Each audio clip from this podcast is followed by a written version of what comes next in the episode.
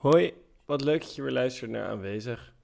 Als je van de podcast geniet, zou je ons enorm helpen door een review achter te laten bij een van de grote podcast-apps.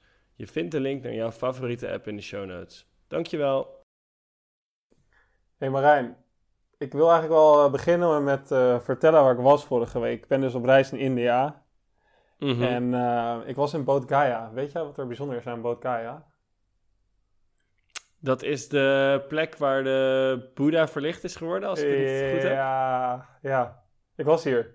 Ik was bij de boom. Er is een boom. Het bekende verhaal van Gautama, de Boeddha. Dat hij dus uh, verlicht is geraakt onder een boom. En nou, er is dus helemaal zo'n uh, park, hoe zou je het noemen? Een soort van ervaring omheen gebouwd. Ja, ervaring. Er zijn gewoon heel veel, mm, soort van, het is een pelgrim, pilgrimage, pelgrimsoord geworden. En er waren heel veel monniken en nonnen en allemaal Aziatisch die, daar, uh, die daarheen kwamen. En het was best wel een raar gezicht. Want ja, ik herken, uh, zeg maar, voor mij is het figuur de Boeddha en de leer best belangrijk. Maar ik herkende me in geen enkele manier het tafereel wat daar gebeurde. Wat er afspeelde. Want het, het was, je had dus die, die boom en daar was dan een best grote tempel bij gebouwd. Of ja, het, het, heet een stupa. Het is meer een soort uh, grote toren waar de, een groot beeld van Boeddha is. En daaromheen waren allemaal mensen, best wel een groot terrein, heel veel mensen aan het zitten. En er werd niet echt gemediteerd. Ik heb bijna niemand zien mediteren. Het was, ook wel hoor. Maar het was vooral mantra's. En uh, ook meer bidden en bewegend. Een soort, soort van bewegende meditatie dan wel bidden. En um, ja, ik weet niet, het zag er echt gek uit. Ze waren, zeg maar, er, er was een, een houten plank. En dan deden ze daar zo'n beweging op dat ze gingen staan en gingen zitten. Of nee, niet gingen staan en zitten. Mhm. Ze gingen... Maar geeft het, geeft het ook niet aan dat je, eh, de ervaring die jij tot nu toe gehad hebt met het boeddhisme, dat het ook maar een klein eh, tipje van de hele ijsberg is? Ja, ik, ik denk dat ik vooral ervaring heb met meditatie en echt zeer weinig met het boeddhisme nog. Ja. Dat, het, dat bij het boeddhisme toch nog echt een hele hoop meer uh, tierlantijntjes en gekkigheid erbij zit dan dat ik uh, ken. Ja, ze waren, ze waren aan het bidden, dus wat ze deden was een houten plank. En ze gingen staan en dan weer liggen. En dan staan en liggen. En ja, ik had het echt nog nooit gezien. Ik ken het niet. Het was gewoon een beetje gek. Mm -hmm. En weet je nu waarom ze dat doen? Nee, ik, er waren, waren ook geen mensen die echt Engels konden. Dus voor mij is het nog steeds eigenlijk een beetje een raadsel wat ze nou aan het doen waren. Maar ik denk dat het een vorm van bewegende meditatie is. Of dan wel mm -hmm. bidden. Ja. I don't know. Ik kan ook niet echt plaatsen waar dat nou vandaan kwam. Ja. Ik denk op zich, je ziet natuurlijk ook wel dat ook het boeddhisme is inmiddels best wel doordrongen van uh, veel uh, religieuze beelden en ideeën. Die je ook ja. ziet na heel veel jaren christendom en jodendom. Ja, en natuurlijk de lokale cultuur. Dus een soort van, het wordt gemixt met de lokale religie en cultuur. Waardoor Ja. er inderdaad dit soort dingen weer erbij komen. Ja, ja, ja, ja, ja. Waar je kan Ja, afvragen van, dat dient het iets? Wat, waar, waar zij natuurlijk wel voor zichzelf een verhaal voor hebben verzonnen. Ehm, ja, waar ik me afvraag wat het is. Maar aan de andere kant kan ook een ritueel, zeg maar, wat ik zeg, bewegende meditatie, als, als dat werkt. Ik, ik weet natuurlijk niet wat ze er met een, eh, zeg maar, wat voor oefeningen ze tegelijkertijd doen met een eh, hersenen. Nee. Ja. Maar het was interessant om te zien. Zullen we het dus. hebben over de, zullen we het hebben over de podcast van vandaag? Ja, waar, wat gaan we allemaal bespreken? Ja, nou, het sluit op zich goed aan op het eerste punt dat we zo meteen gaan, eh, waar we het over gaan hebben. Dat is namelijk eh, welke stromingen er zijn. Ehm, en waar we het vooral over vandaag Mhm. over gaan hebben is hoe kies je nou eigenlijk je pad en wie moet je geloven? Het idee en belang van eh Sangha. Retreat versus daily practice. Dus in welke mate is een retreat belangrijk en, en hoe verhoudt dat zich tot je, je dagelijkse ehm, meditatiebeoefening? En het gaat over je eigen, je eigen motivatie eh, in de gaten houden en die ontwikkelen. Zullen we beginnen? Yes, let's go.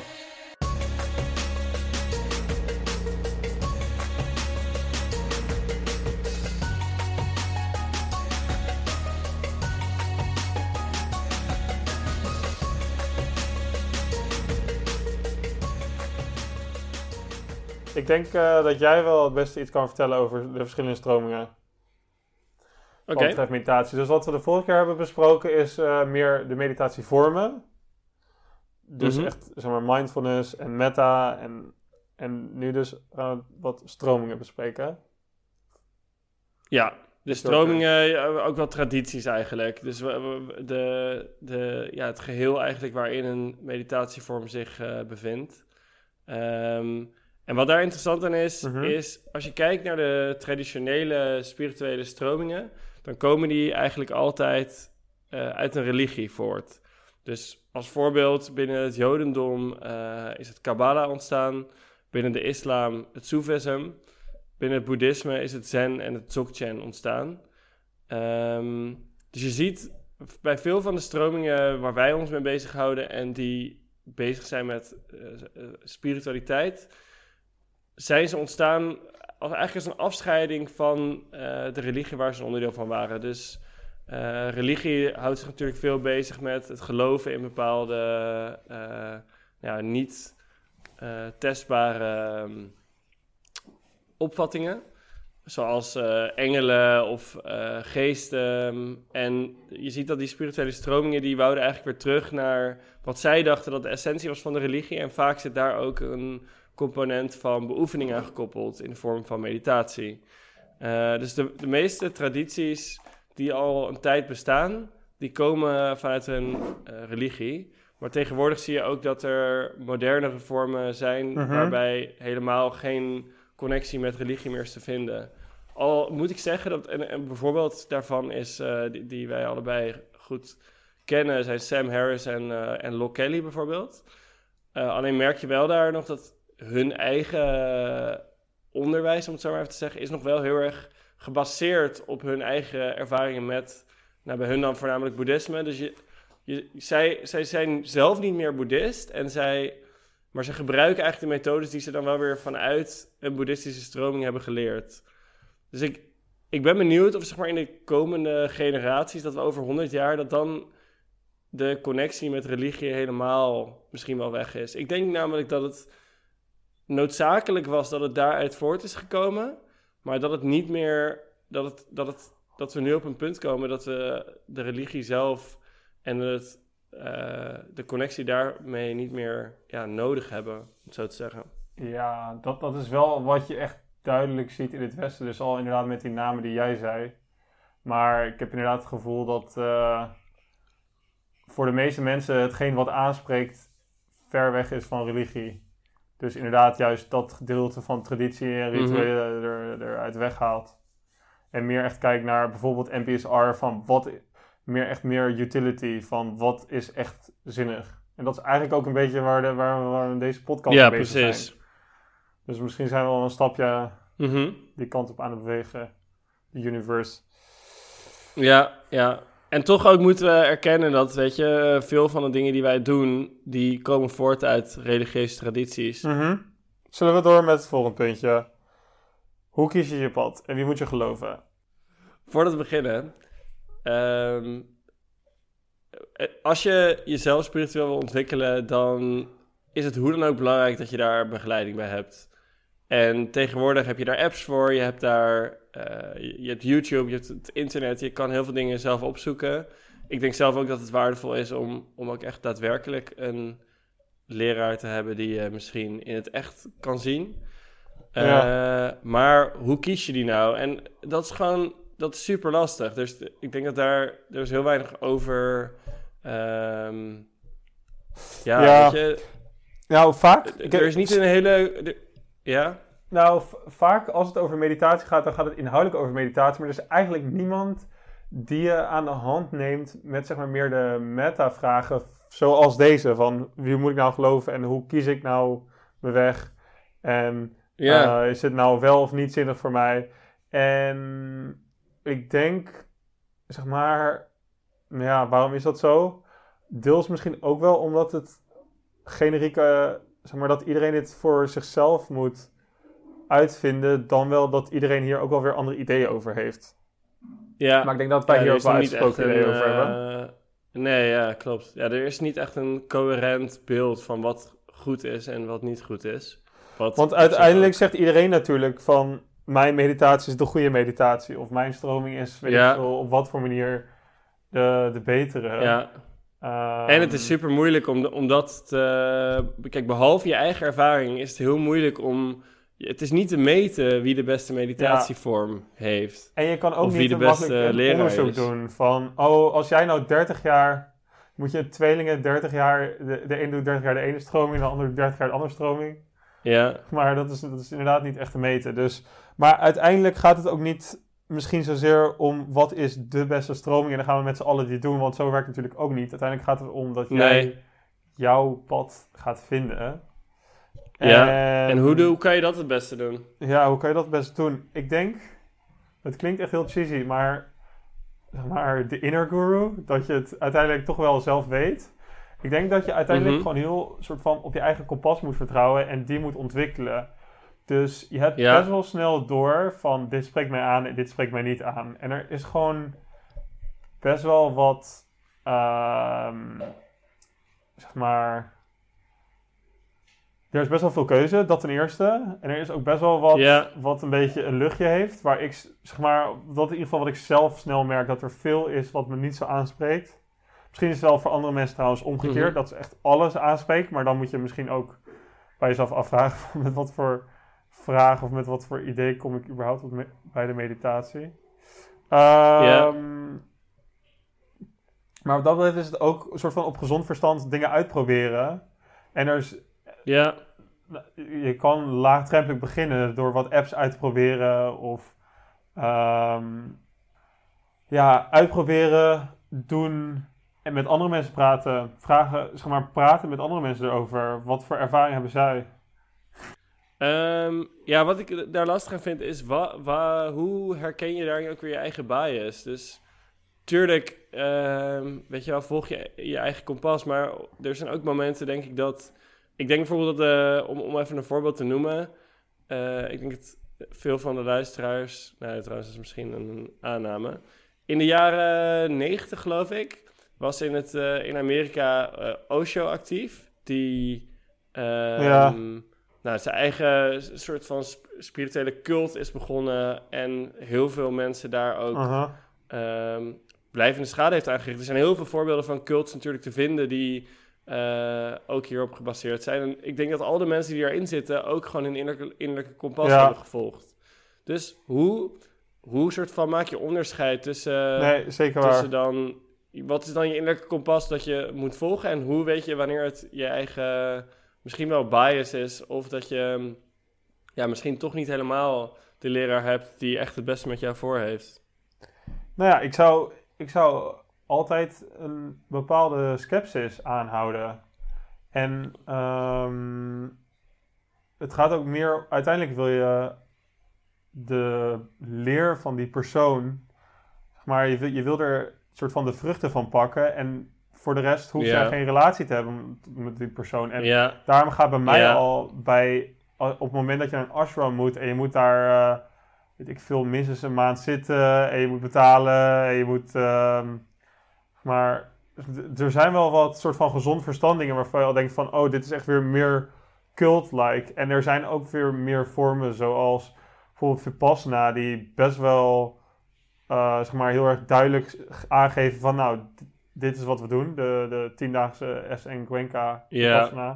Ja, Ehm, waar je niet, zeg maar, waar je je kan aanmelden, je doet het één keer en dan, dan zeg maar, dat, dat is een beetje ja. Ik vind het wel interessant dat je zegt hè, dat, dat het, eh, ik denk dat het een heel belangrijk onderdeel is. Dus dat, dat het, gaat, het gaat om de mm, waarde van de leer en de waarde van de, ja, het proces dat, je- dat, dat wordt aangeleerd en niet om de persoon. En zodra het om de persoon gaat, dat zijn denk ik hele belangrijke alarmbellen die dan af zouden moeten gaan van dat is niet... eh, ja, dat is niet, je ideale bodem om, om een goede... Nee, precies. Om, een- om een goede meditatiebeoefening op op te bouwen.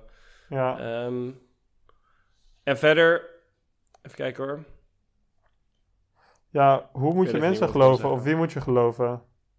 Ja, het is ook gewoon lastig. Wie moet je geloven? Ja, je kan, kan een soort van zeggen, ik geloof niemand. Dan, dan kom je ook nergens. Dus je moet wel, ja, zeg maar, ook er op een meer achter komen van wat is de intentie.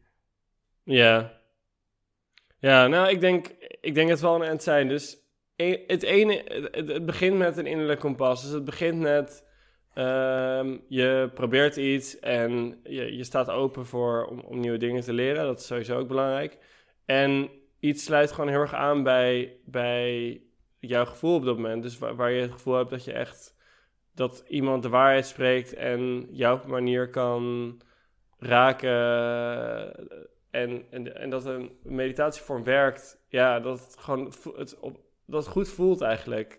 Ja, En vervolgens zie je dat, het, dat diegene meer bezig is, of diegene, dat, dat je in een traditie zit waar het meer gaat om het proces dan om personen of om het zeg maar een bepaalde status die, die misschien mensen zich aan ontlenen. Dus bijvoorbeeld bij Vipassana zie je dat het puur gaat om het proces en ehm, ook niet dat, dat zij heel erg geld of zo per se van jou af willen nemen. Je betaalt altijd bij Vipassana namelijk wat je zelf wil betalen. Het is op basis van donaties.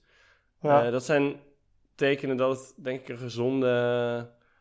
ja, gezonde gezonde, verhoudingen zijn. ehm, Ja, Ja. En ik denk ook dat het, dat het echt individueel is. Dus dat wat voor jou werkt weer net anders werkt dan voor mij. ja, Want uiteindelijk moet het ook allemaal passen in jouw persoonlijke referentiekader. En moet het jou als persoon ook aanspreken. Niet alleen maar of het kloppend is. Weet je, we hebben allemaal kennen we leraren die een heel kloppend verhaal hebben, maar alsnog niet jouw dingen kunnen leren, omdat de manier waarop ze het overbrengen je niet aanspreekt. Dus ja, ik denk dat dat ook belangrijk is om gewoon te erkennen. Van, het is ook fijn als je een, een leraar hebt of een stroming die gewoon past bij jou als persoon. ja. Nou, ik denk dat eh mensen hier wel wat mee kunnen. Ik ook. Ja, ik weet niet. Het is ook wel grappig om kritisch te kijken naar hoe, hoe ik dat zelf doe. En ehm, ik moet eerlijk zeggen, ik heb daar niet een heel, een heel proces, proces voor waar, hoe ik analyseer wat ik wel en niet doe. Ehm, ik heb Ja. gewoon een aantal mensen die ik daar dan weer vertrouw en dan probeer ik iets en dan kijk Ja. ik gewoon van hoe spreekt het mij aan en, en werkt het en, en hoe... En ook wel van hoe verhoudt het zich tot de ideeën die ik al heb. En dat is misschien wel iets wat ook wel weer gevaarlijk kan zijn. Eh, Nou ja, wat dat betreft is het ook wel een beetje toeval wat er op je pad komt. Zeg maar, welke concrete voorstellen van... Zeg maar, stel je, je bent er al even mee bezig. Een soort van... Ja, mensen die je al kent, wat die doen en wat die erover zeggen. Ehm, En op zich, zeg maar, is het ook best logisch om te zeggen... Of het vergelijkbaar, of als het, zeg maar... Hoe het zich vergelijkt met wat je al kent. Want dan kan je het al aansluiten bij de kennis die je hebt. En dan kan je ook veel sneller een inschatting maken eh, of het bij je past of niet. Of mhm. überhaupt de leer begrijpen. Eh, Ja, Ja. oké. Ja. Eh, nou, kijk, dat pad is natuurlijk één ding. Ehm, maar als je een leraar hebt, dan ben je er nog niet. Ja, dat is... eh, ehm, ja, de Boeddha zei dat drie, drie dingen zijn belangrijk. Of ik, je, hebt de, je hebt de Boeddha, je hebt de Dharma, dat is het pad, en de Sangha. En de Sangha is een moeilijk woord. Of, nou, is niet echt een moeilijk woord. Het is een mooi woord. Voor eh, de mensen met wie je oefent. Dus de mensen in jouw directe omgeving met wie je samen het pad aan het bewandelen bent. Eh, ik zou Ja, zeggen in klassieke vorm. Ja, dus in, Om het maar zeg even in voor, millennial de, taal te omschrijven. voor, voor monniken zijn dat de medemonniken. Ik zou zeggen dat eh, voor mensen die elke week samenkomen in een meditatiecentrum, zijn dat die mensen. Eh, voor mij is Mhm. dat eh, mijn vriendin met wie ik bijna dagelijks, dan wel dagelijks mediteer. En jij, waar ik mee over meditatie praat, of mensen die ik tijdens het reizen tegenkom. Ehm, dat is een beetje een flexibel begrip voor mij ook, Sangha. Ehm, Mhm. mm, Heb je daar iets aan toe te voegen? Hoe, hoe zou jij het omschrijven? Nou, ja, het is... ehm, ik weet niet, sangha is niet echt een woord dat, eh, dat ik zelf gebruik. Ehm, maar het is, ja... Dus het, Het is, is- meer gewoon, denk ik, je, de mensen waarmee je, waarmee je samen inderdaad hiermee bezig bent. Die je kent, die dit ook doen. Ja, eh, met wie het hierover kan hebben. En ja, dat maakt een wereld van verschil. Als je mensen Ja. hebt in je leven, of niet. Nou, anecdote Nou ja, maar ik vind het wel interessant. Ik denk namelijk, eh, bij Ja. mij valt het denk ik relatief mee. Ik heb wel een aantal mensen die ik zo zou bestempelen, maar het is ook niet dat ik echt een, een, eh, een wekelijkse groep heb waar ik, waar ik samenkom. Dus ik ben wel benieuwd wat jouw ervaringen er tot nu toe mee zijn. En ehm, de reden dat ik dat ik zeg is, ik ben, eh, ik ga morgen voor het eerst naar een, een, een, een echt specifiek daarvoor opgerichte soort van meditatiegroep, die elke Ja. week, volgens mij één keer in de twee weken bij elkaar komen. Ja, Maar tot nu toe heb ik niet een hele sterke, ehm, sterk het idee gehad dat het heel belangrijk was. Dus ik ben wel benieuwd hoe jij er naar kijkt. nou, ja, ik heb er wel ideeën over. Ehm, maar het is meer, dus zeg maar, je hebt geen zanger op het moment dat je alles in je eentje zou doen. Dus Oké, zeg maar, zelfs al. eh, zelfs al. zeg Maar in principe heb je het pad, dus echt de leer, de strikte leer. En zelfs al mensen die er, zeg maar. Luisteren naar deze podcast is voor andere mensen ook in zekere zin een vorm van stanga. Dus meer Ja, ook Het maken van Maar- de podcast natuurlijk. met, maar, hoe motiveer je jezelf om elke ochtend weer te gaan zitten? Of Mhm. Of dat je, zeg maar, je, ik denk best wel snel dat je dingen toch niet zo goed begrijpt. Of dat je de, de oefening toch een beetje verkeerd doet. Ehm, en door met mensen gewoon over je directe ervaring te hebben, te spreken, kan je daar best wel Ja. snel achter komen.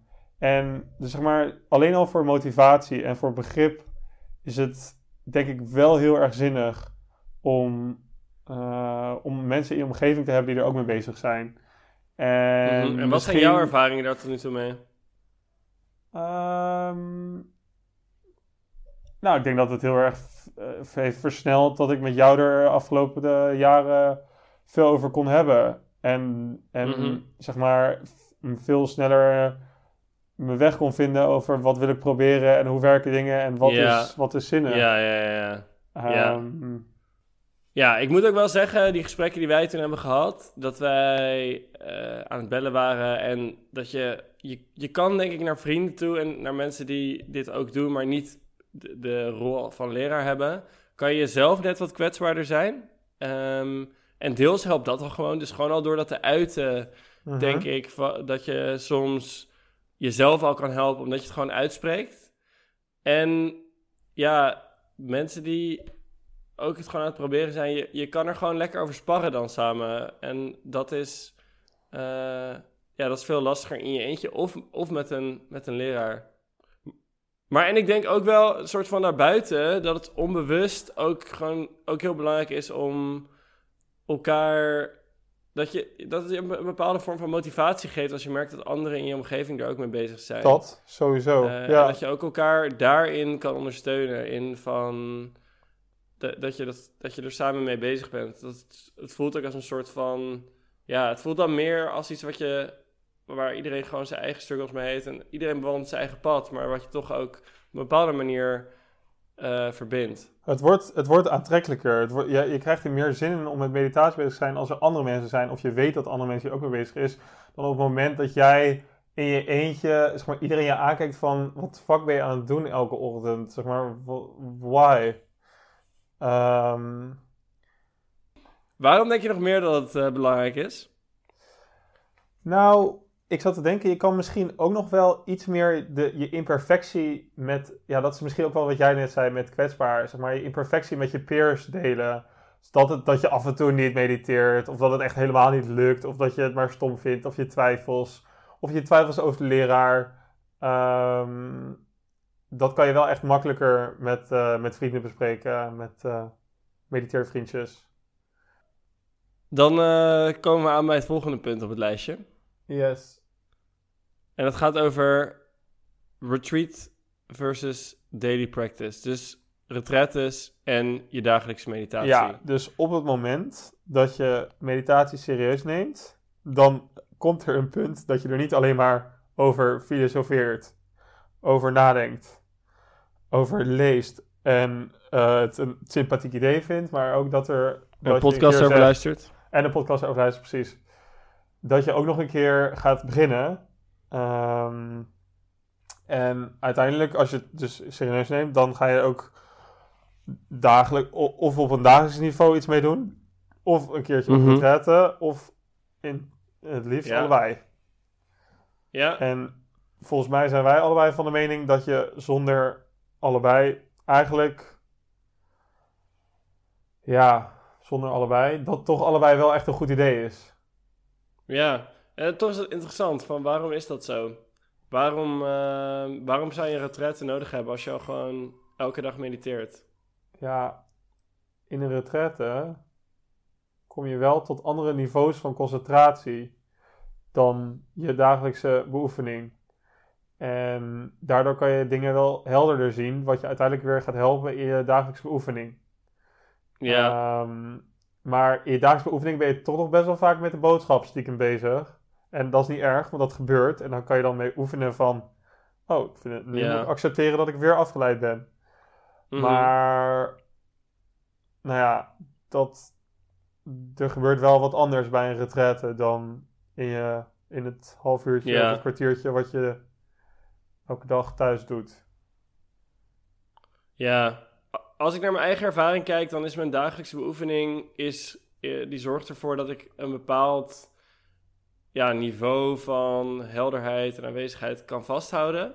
Ja, Maar is het de retraite die dat echt naar een volgend niveau kan tillen? Zoals eigenlijk een trainingskamp dat ook kan doen. Dat je gewoon Ja. in één keer zo'n boost krijgt en die kan je vervolgens weer vasthouden met, door, het, door het gewoon te onderhouden. ja, Maar de echte groei.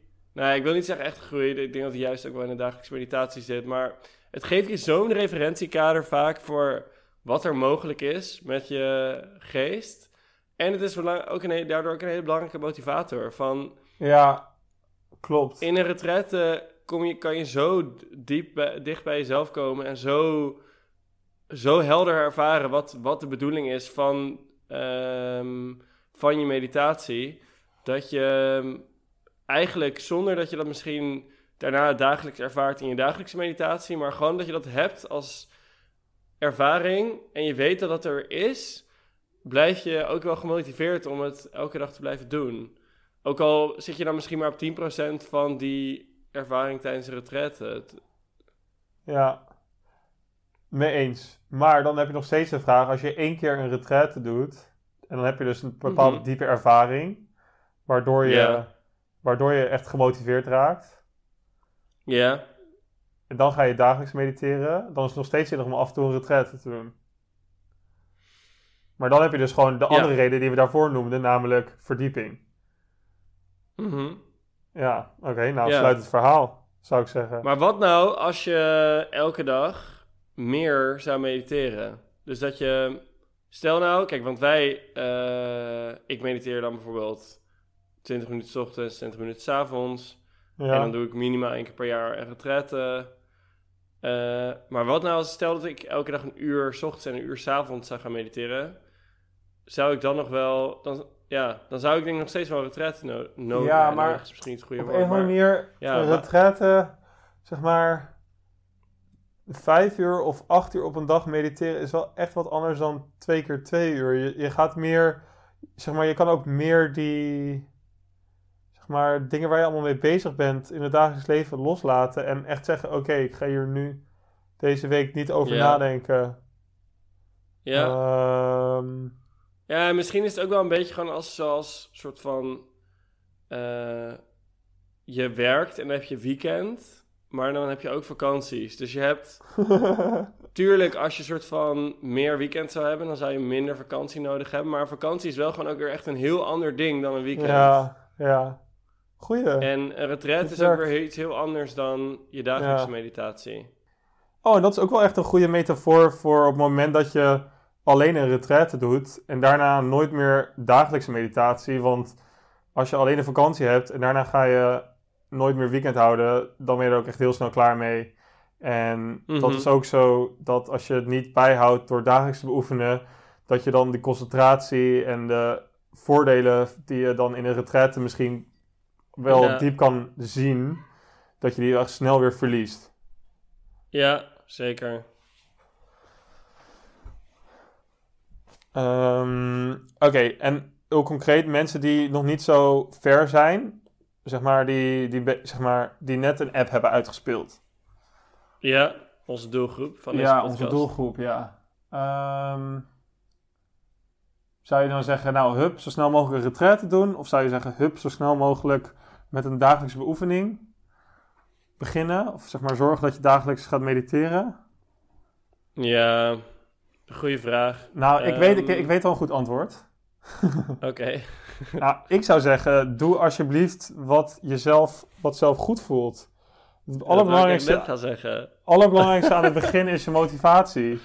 En je Ja. kan wel, je kan wel, er zullen allemaal mensen zijn die zeggen, nee, je moet een retreat doen of zo. Of je moet zorgen dat je dagelijks mediteert. Nou, volgens mij moet je gewoon Ja. vooral zorgen dat je niet weer van het pad afraakt en zegt, ik ben er helemaal klaar mee. Uh, Ja. Wat best wel ook voor veel mensen gebeurt. En nou Ja. ja, een retraite kan best wel een diepe ervaring opleveren. Uh, en als, vooral als je dat aanspreekt, zou ik vooral zeggen, uh, ga ervoor. En anders, als het Ja. lukt om uh, ook nog dagelijks een keer te mediteren, zou ik ook zeggen, ga daarvoor. Ja, in die Ja, zin meer beter. Gisteren sprak, ik, gisteren sprak ik toevallig een collega en die vroeg van...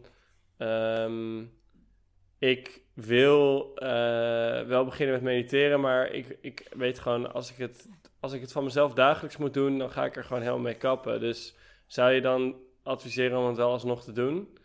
En toen zei ik ook van... Het is veel belangrijker dat je op de lange termijn een motivatie houdt om te blijven doen dan dat je heel strikt aan de regels houdt van, Ja, van precies. die je zelf eigenlijk stelt. En ehm, kijk, ik ken ook vrienden van mij die, die kregen het gewoon niet voor elkaar om dagelijks te gaan zitten en te mediteren. Maar die vonden het wel een heel ja, bijzonder idee om een retret te doen. En die zijn al daarna alsnog een gewoonte gaan opbouwen. Dus eh, Ja. ook daar geldt weer inderdaad, volg je eigen kompas en kijk wat er, wat er bij jou past. Ja, nou, dat sluit wel weer mooi aan bij eh, het volgende puntje. Namelijk dat we überhaupt volgens mij nog wilden benoemen dat motivatie, je eigen motiva- motivatie ontwikkelen en daarover nadenken, dat dat belangrijk is. En dat is ook nog steeds wel wat ik zelf doe. Ehm, Ja. Van, oké, zeg maar, ik, ik vond bijvoorbeeld mijn vorige solo retreat sprak me niet zo heel erg aan. Zeg maar, oké, we moeten het nog een keer over hebben. Maar het was ook best wel taai. Dus het is niet dat ik nu denk van... Zeg maar, ik heb gewoon nu niet zoveel zin in een volgende solo retreat. Ik denk dat ik hem vast weer een keertje wel ga doen. Maar wat dat betreft volg ik ook gewoon wel een beetje waar mijn zin ligt. En op het moment dat ik, zeg maar, niet meer zin heb in een heel strikt schema... dan ga ik dat gewoon niet doen. En dan komt dat wel weer vanzelf. Ja, Ehm, dus ik zou ook dat vooral Ja, iedereen aanraden om, om ja, een beetje over ja, na te denken van wat geeft mij nou motivatie? Wat wil jij er zeggen over Ja. Jan Geurts? Nee, ja, Jan Geurts, eh, een van mijn eh, grote leraren, die zei eh, tijdens de retret, zegt hij, zei hij van, je moet eigenlijk op zoek gaan naar de vreugdevolle regelmaat. Dus niet, zeg maar, de discipline die je, die je kent van het leger en jezelf forceren om te gaan zitten, Ja, maar gewoon het jezelf wel makkelijk maken met een gewoonte en ja, gewoon lekker, want het is wel gewoon makkelijker om het elke dag te doen in plaats ja, ja, van één keer in de twee dagen. En de voordelen zijn wel echt ook groter dan. ja. Eh, maar dus wel, wel ook met, met plezier blijven doen. En ehm, ja, zorgen dat, dat je een manier vindt die voor jou eh, daar werkt. En ja, ik denk als ik ook kijk naar mijn, eigen, naar mijn eigen motivatie. Ik heb aan het begin, of aan het begin, ja, gewoon een aantal jaar geleden. Dan had ik een heel strikt schema voor mezelf. En dan ehm, toen, toen had ik bijvoorbeeld ook de afspraak dat ik niet weg zou gaan eh, thuis voordat ik had gemediteerd. En ik Ja. ben ook wel eens ergens te laat gekomen. Gewoon dat ik dan nou, het- ook wel gewoon te laat begon te mediteren. Maar zo, zo strikt nam ik het. En, op en dan had ik periodes, dan deed ik het een maand lang goed. En dan lukte het een keer niet. En dan dacht ik ook gewoon in één keer van... Fuck it, nu stop ik er gewoon helemaal mee. Ja, en eh, het, lukt me, het lukt me niet. Ik heb namelijk niet aan die, aan die eis voldaan. En dat, dat is natuurlijk niet... Maar dat strookt En- ook niet met het gedachtegoed van meditatie. Dat het uiteindelijk ook een leer is om vriendelijker om te gaan met jezelf. Ehm, Ja. Dus uiteindelijk moet het er leuker op worden en niet...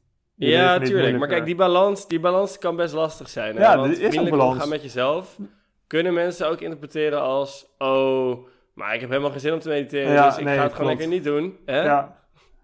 Nou, ja, klopt. Terwijl dat juist de interessante, juist is zeg maar pijnlijke momenten dat je er geen zin in hebt, kunnen ook juist weer een opening zijn om, eh, om dieper in, in je meditatie te komen en te onderzoeken waar dat dan door komt, hè? Wat, die, wat die pijn veroorzaakt. Dus ehm, ja, ik denk dat balans een goed Ja. woord is om dat, eh, Ja, dat- dus- dit thema mee af te sluiten. Ja, en uiteindelijk moet je er toch ook een soort van zelf achter komen wat voor jou die balans is en wat wel te streng is en wat niet te streng is. Ja, En Ja. ik denk niet dat het zin, zinvol is om elke ochtend jezelf af te vragen van wil ik vandaag mediteren of niet. Dus misschien aan het begin te zeggen van nou ik ga gewoon deze week zeg maar wel een sterke intentie te zetten. ja Maar precies. een- ja, bijvoorbeeld bijvoorbeeld zeggen deze week elke ochtend 10 minuten. En dan kijk je daarna weer de volgende week van nou wat wil ik nu deze week? Hoe, hoe was dat? Mhm. Ehm, ja. En wat, wat voor mij wel heel veel heeft geholpen voor mijn motivatie is om eh, ook echt meer intellectueel met meditatie bezig te zijn. Eh, wat voor voordelen andere mensen ervaren, hoe het precies werkt, wat meer de verhalen en de logica achter de oefening is. En dat is nog steeds zo. Dus, maar ik ga nog steeds echt heel lekker op podcasts en op boeken en op eh, artikelen lezen op websites. Ik vind tricycle.org chill. Eh, met mensen, Ja. andere mensen erover praten. Eh, met deze podcast maken. Helpt allemaal. Mooi, ja. Ja. Ja, het is toch een soort... ehm, ja, medite- mediteren voelt natuurlijk als wel echt iets wat je moet doen. En, en een soort een... Ja, ik wil niet verplichting zeggen, maar het is wel gewoon even iets wat je dan... ehm, waar je even voor moet gaan zitten. En het is ook fijn om op een laagdrempelige manier ermee bezig te zijn. Zoals dus met boeken en met podcasts. Ja. Dat eh, kan ik wel Ja. beamen. Ja, en ik merk dat dat wel echt invloed heeft op de tijd dat ik zit te mediteren. Als ik net heb gelezen over Ja, ehm, ja, wees vriendelijk op het moment dat je bent afgeleid, dan lukt dat beter dan dat ik dat weer twee weken niet heb gehoord. Dan zit ik toch sneller in de, ah, ik ben weer afgeleid. Ja. En dus ja, dat, het, het helpt toch weer wel ook. mhm. En, en dat geeft ook weer motivatie. Zeg maar, uiteindelijk vind je die balans wel voor jezelf. En heb je wel een bepaald momentum. Zeg maar, ik, ja, nu lukt het wel. Zeg maar. Ik heb niet echt moeite met bedenken om te... Maar mensen, zeg maar, soms, en waarschijnlijk ook sommige mensen, vergeten om te mediteren. Dat heb ik nog steeds wel heel af en toe, maar, zeg maar niet echt. Het is niet echt meer een issue dat ik vergeet te mediteren. Mhm. Ehm, dus zeg maar, als je, eenmaal, als je eenmaal een tijdje doet, dan komt het ook wel gewoon natuurlijker. Ja. ja, het is ook een kwestie van gewoon de, de, het, het netwerk in je brein opbouwen om het een gewoonte te maken en, en dat, het een, dat het een gewoonte wordt. Ja, Ja, het, eh, ik denk dat het wat dat betreft niet anders is dan andere gewoontes die je, die je, moet, opbouwen, die je moet opbouwen in je leven. ja, Zoals ehm, s ochtends je tanden poetsen. Dat vergeet ook bijna niemand. ja, klopt, ja. Dus als je meditatie op eenzelfde manier inbouwt in je schema eh, en onderdeel maakt van je routine en je doet het voordat je gaat ontbijten en nadat je bent opgestaan bijvoorbeeld, dan eh, is de kans ook gro- groter dat het makkelijker Ja, wordt ja, ja, ja. Om, eh, om het vast te houden. En daarvoor gelden gewoon psychologische principes waar, eh, waar denk ik al best wel veel over geschreven is. En het helpt denk ik om dat ook gewoon op te volgen. ja. Alright. Oké. Ehm, nou, dan zijn we er alweer doorheen voor vandaag. Ja, Wat, nou, ehm, wat, want dit was de laatste van introductieaflevering. We hebben nu vier afleveringen gehad. ik moet Hoe, zeggen, ik ja? ben er wel blij mee dat dit even voorbij is. Het voelde een beetje als een bevalling. Wat namelijk het idee was, Ja, dat- wij gaan gewoon, zeg maar, wij gaan gewoon lekker kletsen. dat kunnen wij best wel goed. Over meditatie. Maar toen dachten we van, Ja. ja, we hebben veel te veel geheimtaal. En het is gewoon wel goed om even te beginnen met een paar begrippen. Dat iedereen weet waar we het over hebben. En dat is dus geëscaleerd tot vier introductieafleveringen. Maar, zeg maar, van de volgende week gaan we, van de volgende keer, volgende aflevering, gaan we doen wat echt het concept was. En waar, nog een reden waarom ik daar ook echt zin in heb, is omdat ehm, we hebben eigenlijk gewoon dat, namelijk praten over meditatie, over wat, ons allemaal, wat we allemaal meemaken en waar we tegenaan lopen, hebben we gewoon op stil gezet. Omdat we steeds dachten, ja, moeten we in een podcast bespreken. Maar er zijn gewoon best wel veel dingen Ja. nu de afgelopen, wat is het, twee, drie maanden hier zijn geweest, Ja. die we nog niet hebben besproken. Dus ehm, de lijst is lang. En, ehm, ja, we hebben een mooie eh, lijst te gaan, denk ik. en eh, het wordt misschien ook net even wat andere dynamiek. Dit was misschien nog af en toe een beetje hak op de tak en eh stotterig. En ehm, nou, ik ben benieuwd. Dus waar gaan we het over hebben? Ja, geen idee. Maar eh, we gaan wat een mooi lijstje maken. Een eerste, eerste sessie. Ja. Alright, nou, dus eh, we zien jullie graag terug voor de volgende. Eh, en ehm dat was hem weer. Yes, mediteer ze. Doei doei.